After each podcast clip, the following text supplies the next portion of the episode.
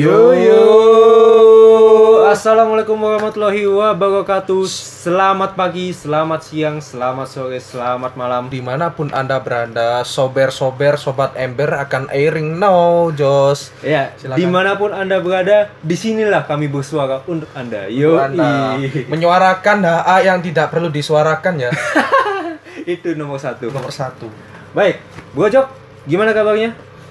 Sehat walafiat bro. Alhamdulillah. Kita di sini. Eh rame banget ya di sini ya di sekitaran di sini ya Iya, banyak penonton-penonton. penonton-penonton ya. Dikiranya kita gila. Waduh.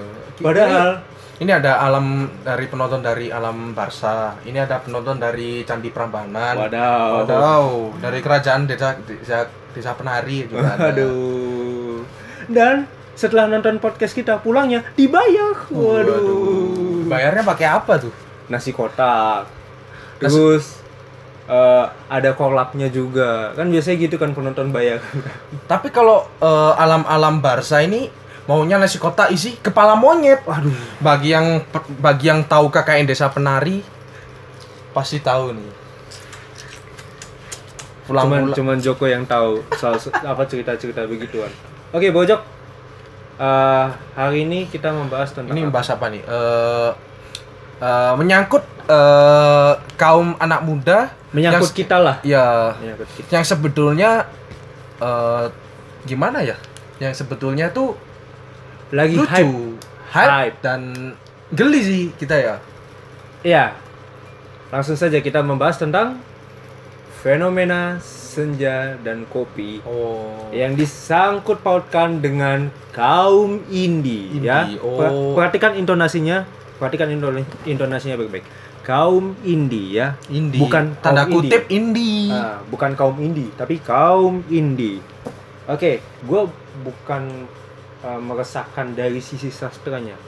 Gue meresahkan dari sisi penikmatnya. Oh, berarti penikmat-penikmat indie. Ah, ah, seakan istilahnya eh gini deh kalau kita eh, mendengarkan suatu lagu lagu itu kan pasti akan terus berputar kan berputar di mana pun pasti ada lagu itu istilahnya Contohnya apa nih? overplayed contoh oke Apakah Danila atau Eh, gua nggak eh, gua nggak menyebutkan siapa penyanyinya ya.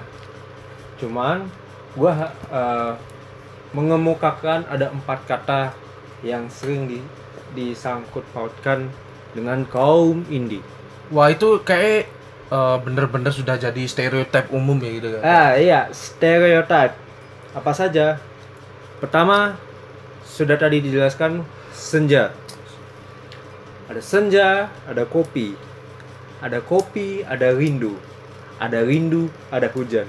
Jadi kalau di eh, disatukan menjadi kalimat kaum indie yang merindukan hadirnya hujan ataupun hadirnya senja lalu ditemani seruput kopi sambil asik mendengar lagu-lagu yang teduh nian. Waduh gojok gimana pendapatmu gojok ya kayak eh, orang-orang yang mengaku indie ini adalah bocah-bocah eh, subscriber Ata yang satu hari sudah mendengar lagu Danila Cuk. subscriber Ata adalah umur 10 tahun. Tapi enggak enggak. Jujur jujur jujur. Gue eh ini entah apa yang entah terjadi. bukan bukan itu bos. Bukan itu bukan. Tolong dong bos. Senoparty gue gak bisa dipungkiri bahwa anak-anak umur 10 tahun ada kemungkinan untuk mendengar lagu-lagu dewasa.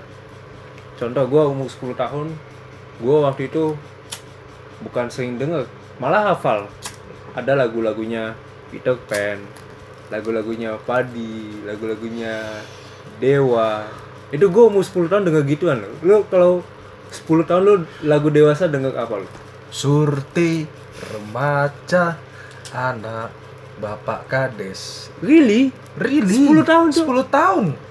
Gua kira kontrasepsi itu kontrasepsi itu alat penumbuh tanaman anjing.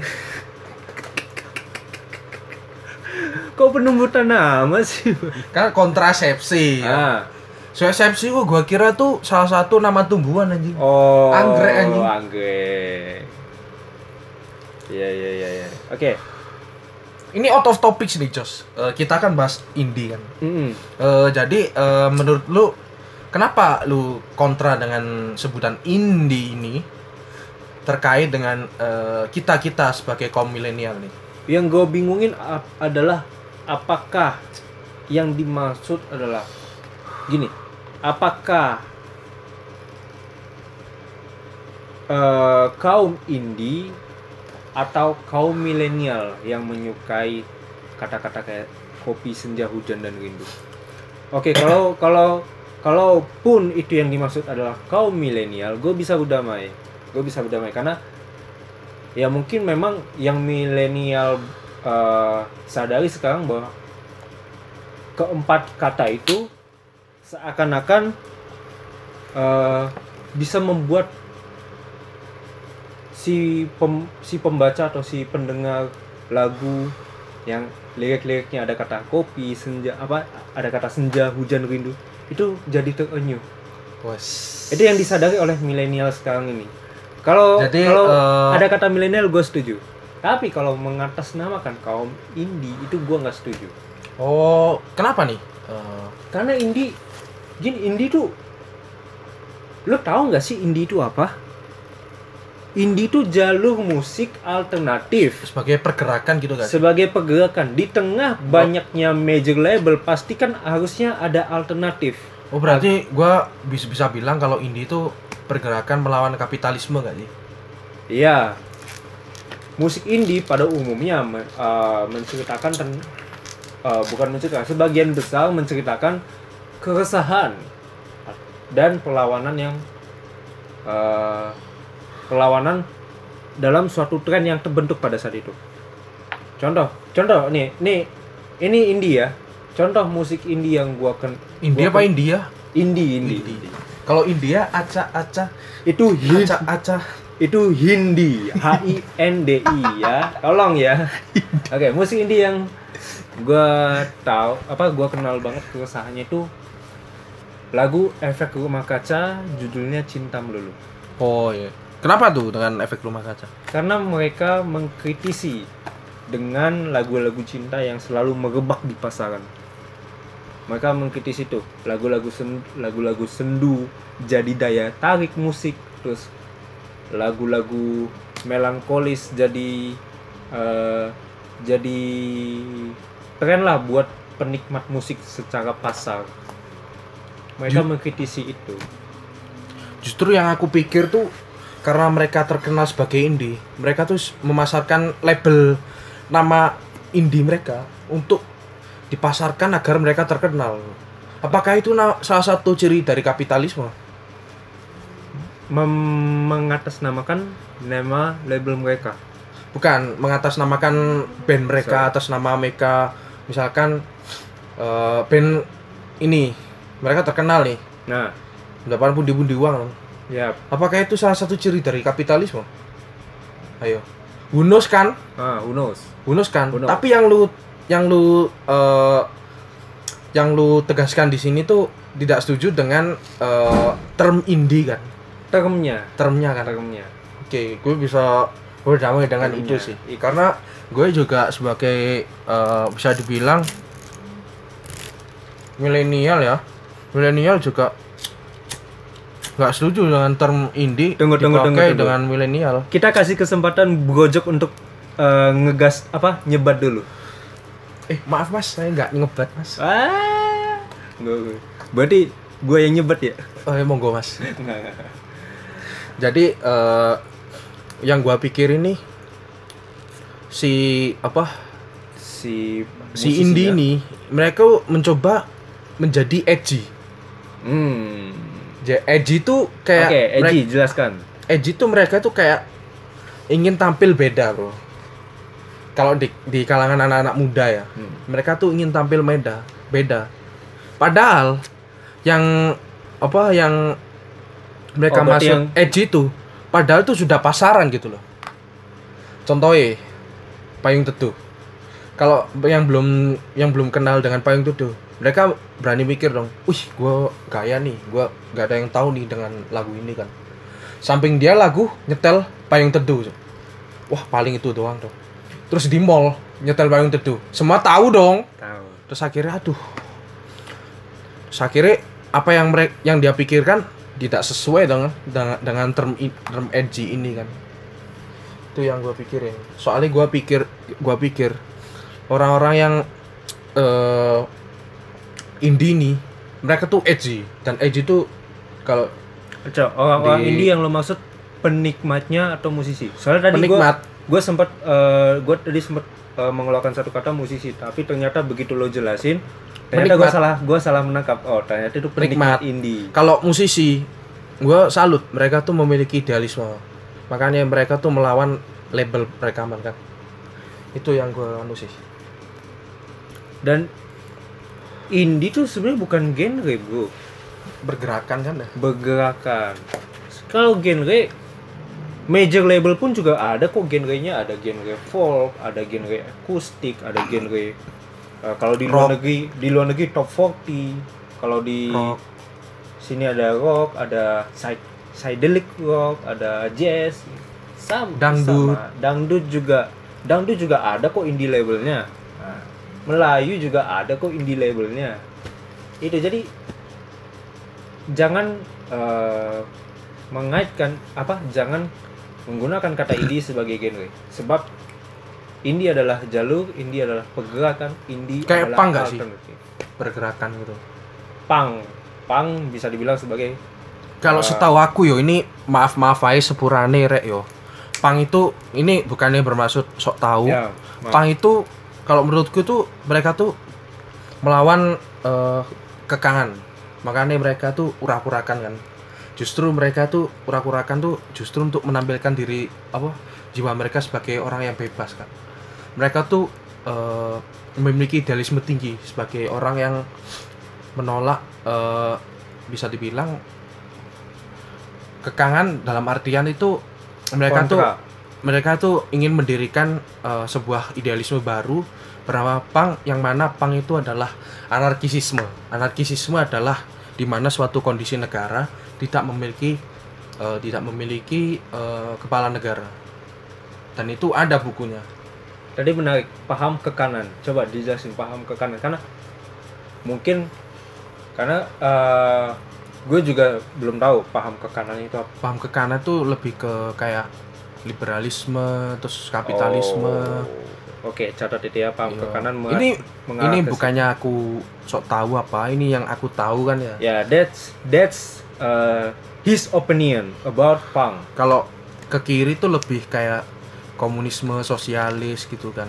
Komunisme pun terdiri dari dua komunisme yang dicantumkan eh eh, Karl Marx dan eh, yang anu Lenin Stalin. Jadi ki- ke kiri tuh nggak nggak mesti buruk ada baiknya. Dan yang dicantumkan Karl Marx itu mereka tuh merombak semua itu menjadi sosialis kan. Sosialis kan kebersamaan kan. Hmm. itu yang aku pikirin sih. Ya soalnya uh, bagi anda yang asing dengan kata uh, ke kiri atau ke kanan dulu ad- ada apa dalam dunia perpolitikan uh, ada namanya paham kiri ada namanya paham kanan. Tadi sudah dijelaskan sama Brojok oke balik lagi ke tema apa topik kita. Ini eh, maaf kalau menyelentang karena eh, benang merahnya di pang ya. Iya benang merahnya di pang. Eh tuh ngomong-ngomong Indi. Indi kan eh, perindu hujan kan gue berani ngomong dong kalau orang-orang Indi itu adalah mantan-mantan petani yang menunggu. Kalau kekeringan tuh udah masih masih Ya, ada kan. ya, ya. makanya dia eh, di waktu waktu macul-macul itu sambil nyetel lagunya payung teduh. Waduh. sambil nyetel lagunya Danila. Waduh. Sambil nyetel lagunya Jason Ranti. Oh ya, sesuai itu. Jason nanti kan merakyat dulu. Gue sempat tadi eh, ini menarik, edgy. Kalau anda pasti anda masih nggak paham soal apa itu edgy, gini deh, gua kasih contoh deh soal edgy itu apa. Edgy itu gini, ada pernyataan, lu itu nggak keren kalau lu itu nggak ngerokok.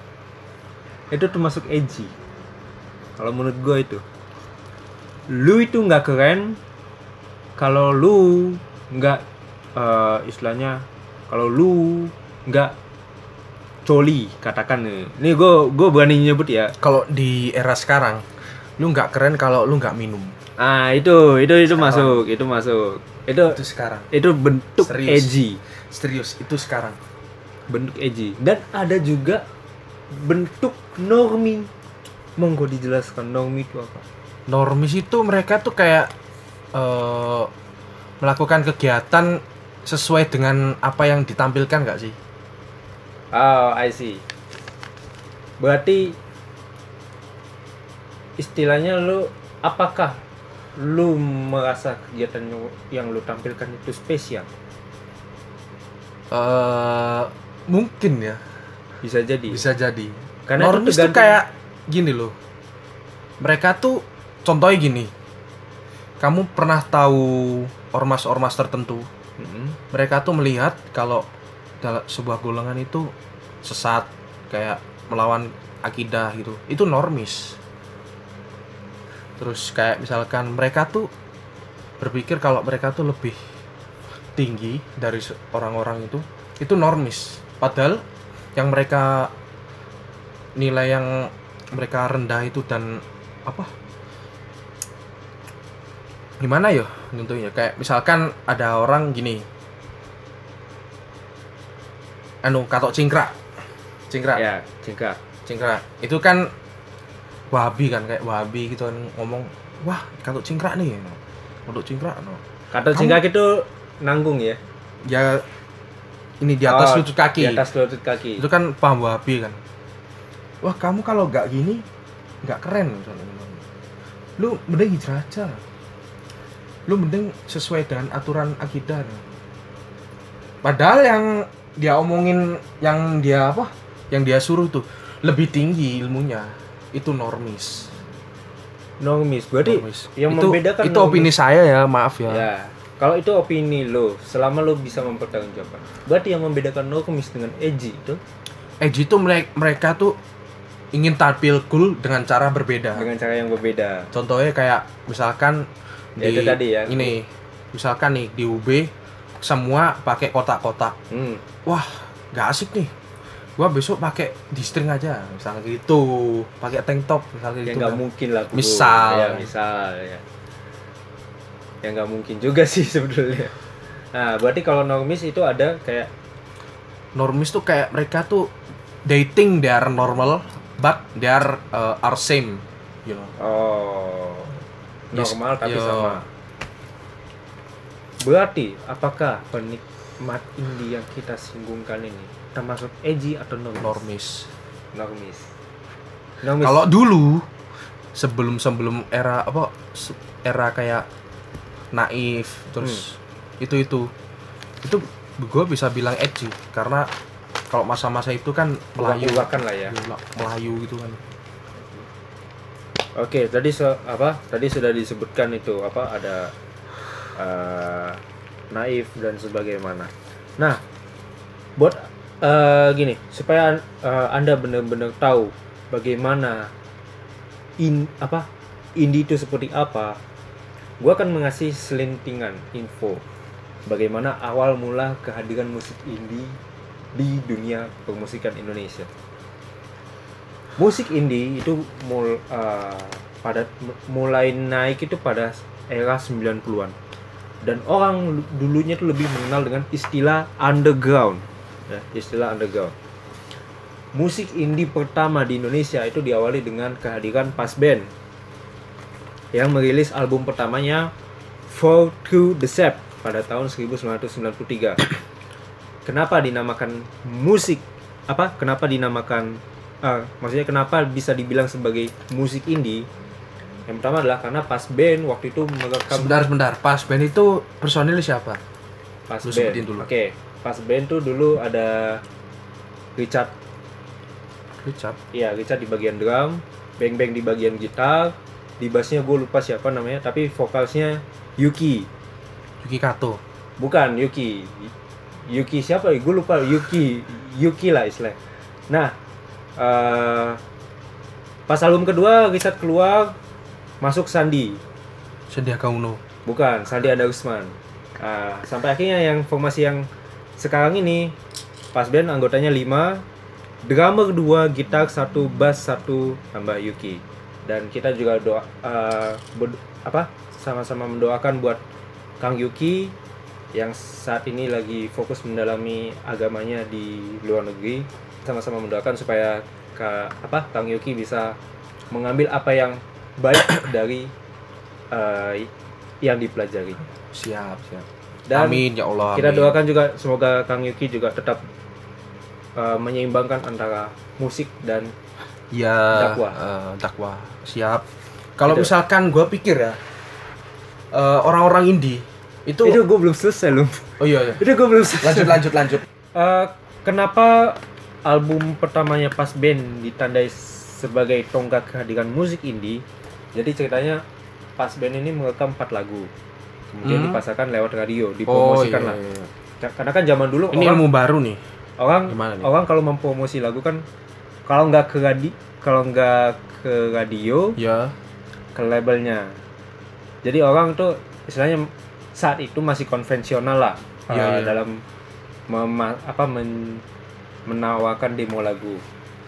Nah, oleh jadi ada sebuah radio CEO CEO dari radio tersebut bersedia untuk membiayai seluruh produksi dan pendistribusian album pe- pertan- Pas pertamanya Pas. Oh. Jadi di situ tonggak kehadirannya musik Indie. indie. kalau eh, sejarah dunianya gimana nih kalau sejarah dunia itu gua- eh, sorry kalau eh, kalau eh, ini karena sepengetahuan sepengetahuan sepengetahuan sepengetahuan aku ya. Ya ya. sepengetahuan aku ya. Kalau di dunia itu musik indie itu ditandai dengan kehadirannya eh, The Smith.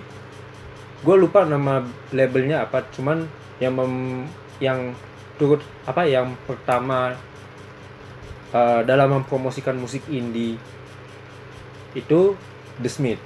The Smith itu vokalisnya Morrissey terus ada juga Nirvana. Nirvana vokalisnya Kurt Cobain. Cobain. Terus ada Radiohead vokalisnya Tom York. Itu eh, mereka sebenarnya itu musisi mus- musisi indie. Tapi lagu-lagunya laris di dunia. Oh iya sampai sekarang ya? Sampai sekarang. Tuh.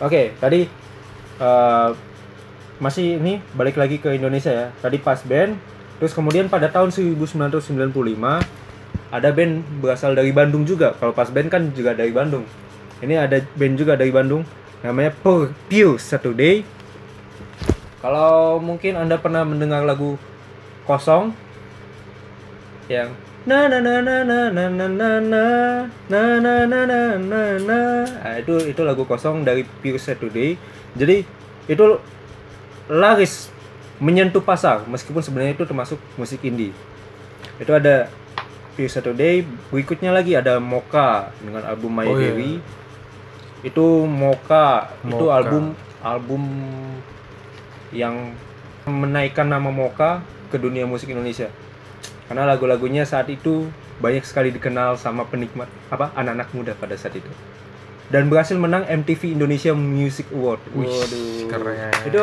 itu MTV Indonesia Music Award itu sekelas AMI sih anugerah apresiasi tertinggi buat musik Indonesia. keren Itu keren tadi eh, awal mula musik ini Indonesia.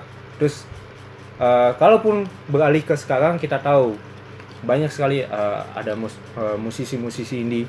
Katakan eh, ada band Sore, terus ada Payung Teduh, 420, Danila, Efek Rumah Kaca, ada Mondo Gascaro, SO7, SO7 sekarang masuk ke label indie. oh iya SU7 terus ada yang naik lagi naik sekarang Pamungkas dan lain-lain. Pamungkas tuh yang main, pemain bola. Itu Bambang Pamungkas. Ah bisa ya Bambang. OS lu kok Bambang? Itu tadi uh, sekilas mengenai musik ini di Indonesia. Dan ini balik lagi ke topik. Kaum indie ya, kaum indie bukan musik indie ya, kaum indie. Oke. Gue minta lu bro, eh, apa yang lu temukan mengenai kaum indie? Temukan maksudnya apa? Apa yang ada di pikiran lu? Sok-sokan puitis, Yes. terus busana kekinian. Ah, Busana kekinian maksudnya apa? busana kekinian kalau Mas maksudnya pakai jaket denim terus kaos itu. Ya, itu bisa dibilang busa- busana kekinian atau istilahnya kalau mau nonton 420 pakai baju dengan motif bat apa motif tie dye atau motif tie dye yang dari Bali Bali itu. Oh ya, ya baju-baju baju-baju ala sekarang inilah. Terus eh, Sepatu Converse, Bro. Oh Sepatu iya. Converse, Bro. Ori kan. Iya. Ratus ribu anjing. Aku gua gua pakai bata, Cuk. Iya. Gua gua pakai ini loh. Pakai sepatu SD gua. Sampai sekarang masih masih ngena. Masih pas. Terus eh indie membutuhkan inspirasi melalui kopi. Waduh, kopi. Kopi, kopi, Kopi. kopi. Kopi asam lambung. Minumnya bukan kopi lagi tapi promak. Kalau nggak gitu tipes. Masuk rumah sakit. Itulah indie. Indie ternyata eh, apa? menggunakan dana BPJS ya ternyata secara tidak langsung yang Katanya India. Indie kan. Oh, ternyata Indie itu program Jokowi anjing. Lu ngapain lu ngapain nyangkut presiden? BPJS agar dana cair. Presiden nggak kenal kita, Bro. Terus meragai kata demi kata ya itu untuk tadi. Iya, Tadi sok puitis kan. Nah, Cuma mereka tuh dengan adanya sok puitis mereka tuh lebih sering baca kan. iya. Baca meskipun lewat Google tapi dia memiliki literasi kan dalam me- membuat puisi kan ya. Dan itu salut bro menurutku. Cuma mereka belum tahu struktur-struktur puisi kan. Maksudnya gini, mereka istilahnya Mungkin maksud lo ya, maksud lo ya, maksud lo ya. Apakah ini maksud lo atau bu- bukan? Lebay. Lebay bisa jadi kan sok-sokan gitu kan. Padahal bikin puisi itu susah anjing. Susah banget. Ada strukturnya. Ini ada- for your information, I'm uh, English literature. Nah, Ya, karena Brojok ini adalah sastra. serius. Bikin puisi itu susah. Menurutku yang paling susah dan paling tua itu literatur itu puisi. Puisi. Dan puisi itu sangat susah. Karena puisi juga ada puisi lama, ada puisi baru. Mm-mm. Dan Puisi, itu harus diperbarui sesuai perkembangan zaman. puisi lama itu era sebelum Khairil Anwar, Ya. era-era hikayat. Setelah anu Itu ada pantun, Eh. Guindam, Iya, postmodern itu peng- penggeraknya tuh Khairil Khairil Anwar. Anwar. Itu Dan- puisi. Yang dipakai dipakai anak-anak muda itu nggak ada sama sekali, sama sekali nggak ada menerapkan eh, Khairil Anwar. Lu baru-baru banget sih jadi Ini jujur-jujuran aja kan ya. Ini maaf ya nih ya. Oke. eh, Terus lanjut, lanjut. sebenarnya ada yang mau gue tambahin. mainstream. Ah, ada yang mau Lanjut. gue tambahin. Iya, iya. Ini saling berketa- berketerkaitan antara kaum indie sama musik indie. Tahu apa itu? Apa? Kaum indie sering datang ke festival-festival musik, Bro. Coba festival musik sekarang ini apa yang kita kenal? Oh. Synchronize, Synchronize, WTF, WTF, uh, We The Fest, with the best. Soundrenalin. Itu kan dalam skala nasional ya. Oh, ngomong itu Dalam eh, skala kota kan mm, ada. ada satu lagi, Bro. Apa? Pidato Jokowi. Gue belum gue mau gue mau nyebut kick fest lu kok mau malah pidato Jokowi sih bro presiden gak kenal kita bro entar kita di entar kita di ah bro ah lu kacau bro. lanjut, lanjut, lanjut. iya jadi oke Halo, Ma? Oke. Sik, Ma. sorry guys sorry guys ada ketidaknyaman Ya, kita lanjut lagi. Eh, ada gangguan teknis. ya eh ya itu tadi synchronize uh, With the Fest, Sondrenalin, Kick- Kick. Fest. Nah, dulu itu ada A Mild apa? Uh, A Mild Life. A Mild Life itu A Mild Life Sondrenalin sih sebetulnya. Cuman Sondrenalin sekarang ini nggak ditangani sama A Mild Life. Tuh, udah Emang eh, gigs gigs ini ini ini yang lu perhatiin dari semua keseluruhan festival film tuh apa? Oh festival film. Sorry sorry, festival musik Ah, itu apa? Yang yang klik di otakmu, oh jadi festival film tuh rata-rata seperti ini. Nah gini, sebenarnya gue gue selalu sama apa eh, pihak-pihak yang menyelenggarakan eh, event-event ini. Karena kenapa? Karena mereka tahu bahwa musik itu sebenarnya tidak bisa dikotak-kotakan bro. Serius, betul. Musik itu tidak bisa dikotak-kotakan. Gue sangat setuju dengan synchronize karena musik itu universal, Mm-mm. tidak bisa dikotak-kotakan. Bayangkan 2007 2000 2017 kalau nggak salah, 2017 itu ngundang Roma Irama. Ngundang Nasi Daria. 2019 juga ngundang Nasi Daria lagi. Undang Didi Kempot Di The Kempot. paling pecah 2019 Didi Didi Kempot. paling pecah kan ya yang lebih yang lebih lagi di 2019 ada Babang Andika ada Raja gue ada 2020 Wali. Gue berharap kalau synchronize ningga ngundang Nika Ardila ya. Kan udah mati bro. Lu eh apa sayup-sayup setan lah nyanyi itu lu panggung. ngaco lu. Ngundang Krisya sekaligus. Lu tolonglah bro. Hargai dong. Ya itu tadi apa? Musik itu tidak mengkotak-kotakan. Cuman gue ini gue karena belum pernah datang ke acara festival ya gue tuh lebih apa penik apa eh daya tarik penonton tuh lebih ke orang-orang kayak Danila orang-orang kayak eh 420 ke ke mana ya ke efek rumah kaca atau dan lain-lain daya tarik mereka ke situ seakan gue pun sampai gue pun sampai menimbulkan mindset apakah orang-orang yang suka dengan uh, musik mus- uh, musik indie label itu mengunderestimate musik-musik yang ada di major label? Itu gue gue sampai berpikir mindset kayak gitu. Moga-moga pikiran gue ini apa pikiran gue ini bisa terpatahkan karena gue kalau lu pikir gitu lu mematahkan argumen lu sendiri dong yang Iya, mesti iya. dikotak-kotakan gue sadar bahwa musik itu nggak bisa dikotak-kotakan nih lu setuju gak kalau Didi Kempot tuh indie sekarang in ah, dulu sebenarnya di Kompor itu masuk major label.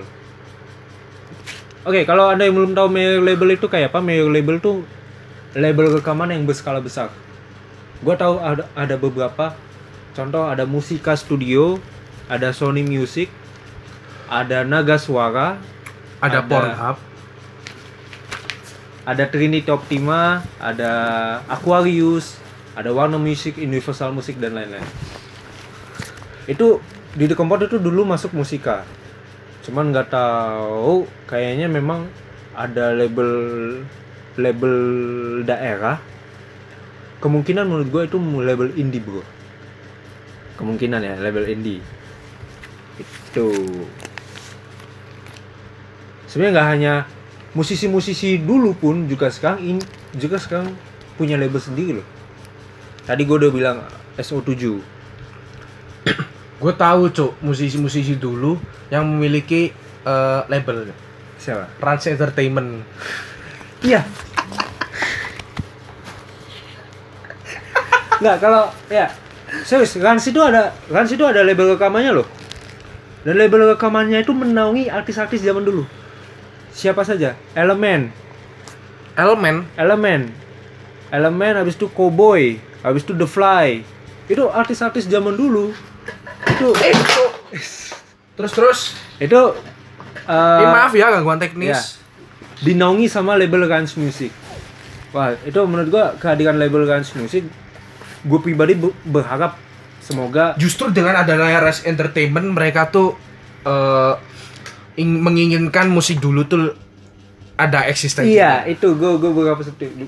semoga musisi-musisi dulu tuh leb- bisa leb- makin sejahtera lah di era sekarang ini.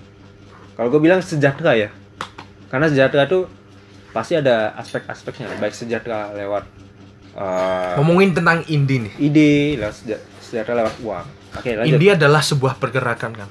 Hmm. Lu your talk about your think talk about movie indie Yes. about what? What Movie is your indie. talk about movie indie? It's not just about movie indie. Movie indie. It's that like a comedian, like a showbiz, like uh, YouTube. What is your talk about them? Movie Yes. indie ya. Yes, movie indie.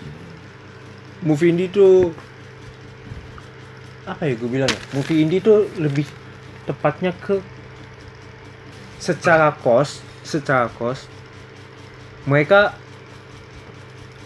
minimal apa lebih minim daripada Kalau Eh, penikmat movie indie seperti apa? penikmat movie indie.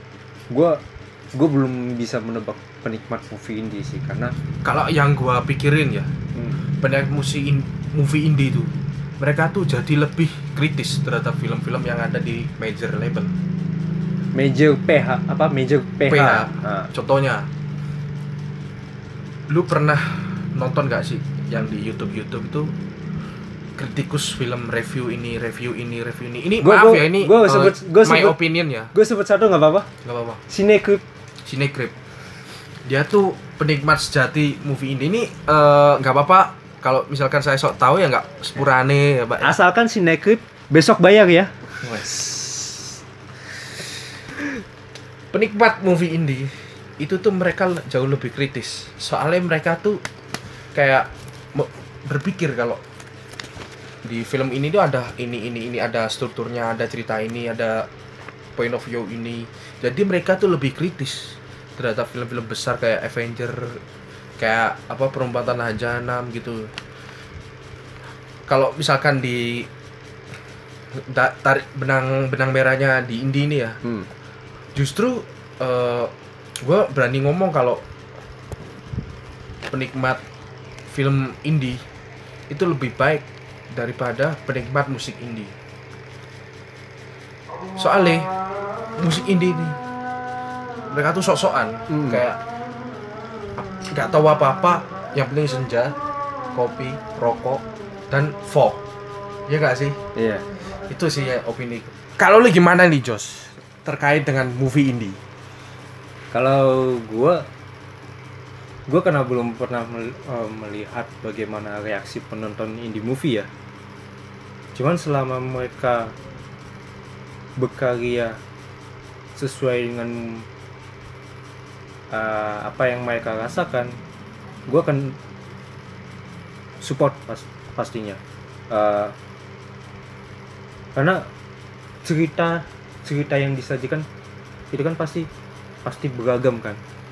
Pasti beragam. Dan gue percaya bahwa indie movie ini pasti akan naik. Pasti pasti istilahnya pasti bisa bisa disejajarkan lah dengan major major PH tapi ngomong kalau kualitas ya. kalau ngomongin mov- movie indie itu pasti naik. Movie indie itu ada pasarnya sendiri iya. Dan itu pasti naik. Naik gitu di loh. pasarnya uh, gue nggak bilang naik di pasarnya sendiri cuman ya ini kembali lagi ke pasar sih sebetulnya ya. Kembali lagi ke pasar.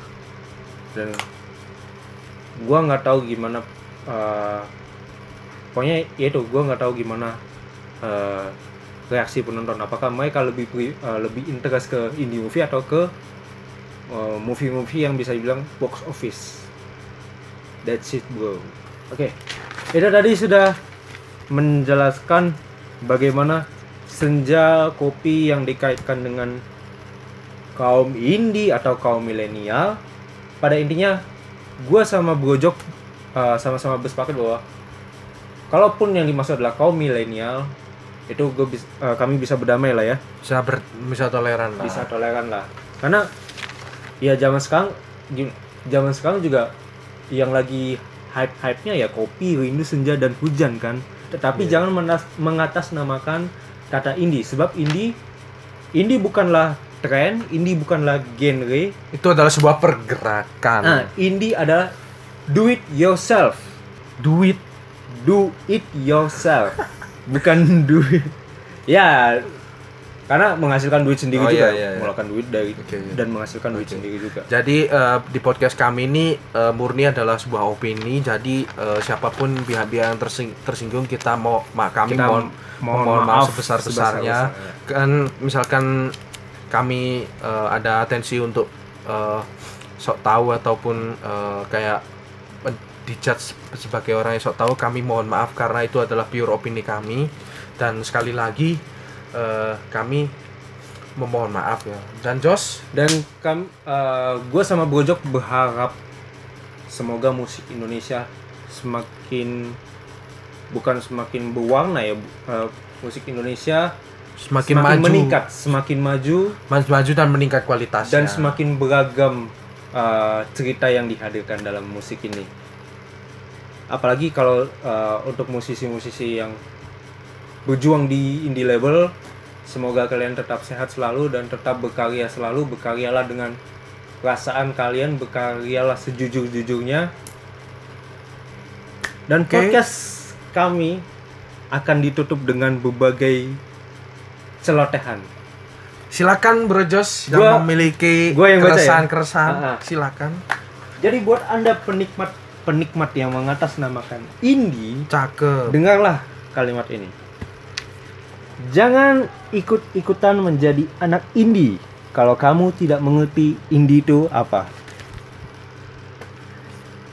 Berikutnya, jangan ikut-ikutan menjadi anak senja kalau kamu sendiri belum rela meninggalkan penyesalan-penyesalan yang memberatkan pikiranmu. Dan jangan ikut-ikutan menjadi anak senja kalau sholat maghrib aja sering lupa.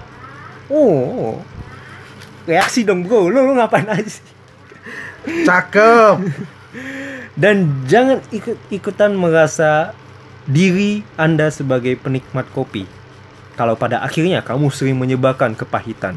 Dan saking banyak kepahitan yang kamu sebar, pada akhirnya kamu didiagnosis menderita hipertensi. cakep Wow, wow, wow. Dan terakhir, semoga Anda kapok dengar ini. Jangan ikut-ikutan menjadi manusia perindu hujan bila kamu akhirnya masuk angin dan demam setelah lelah berdiri di tengah derasnya hujan. Dan pada akhirnya, kami menyimpulkan buat Anda bukan hanya penikmat-penikmat yang mengatasnamakan indie, tapi penikmat musik secara universal, baik baik penikmat musik indie maupun penikmat musik major label. Satu yang harus kalian tahu bahwa nikmati saja musiknya, bukan stylenya, bukan trennya, apalagi bukan momentumnya. Nikmati saja musiknya, karena musik dari tahun ke tahun, dari waktu ke waktu tidak pernah menyerah untuk menghibur Anda. Akhir kata, gua Joshua Arnold, gua Joko kami pamit. Sampai bertemu minggu depan. Tetaplah setia, tetaplah bersama kami di Salam Sober olahraga. Podcast. Sober salam Podcast. Sober. salam sobat Kok salam olahraga sih? Dadah, adios amigos.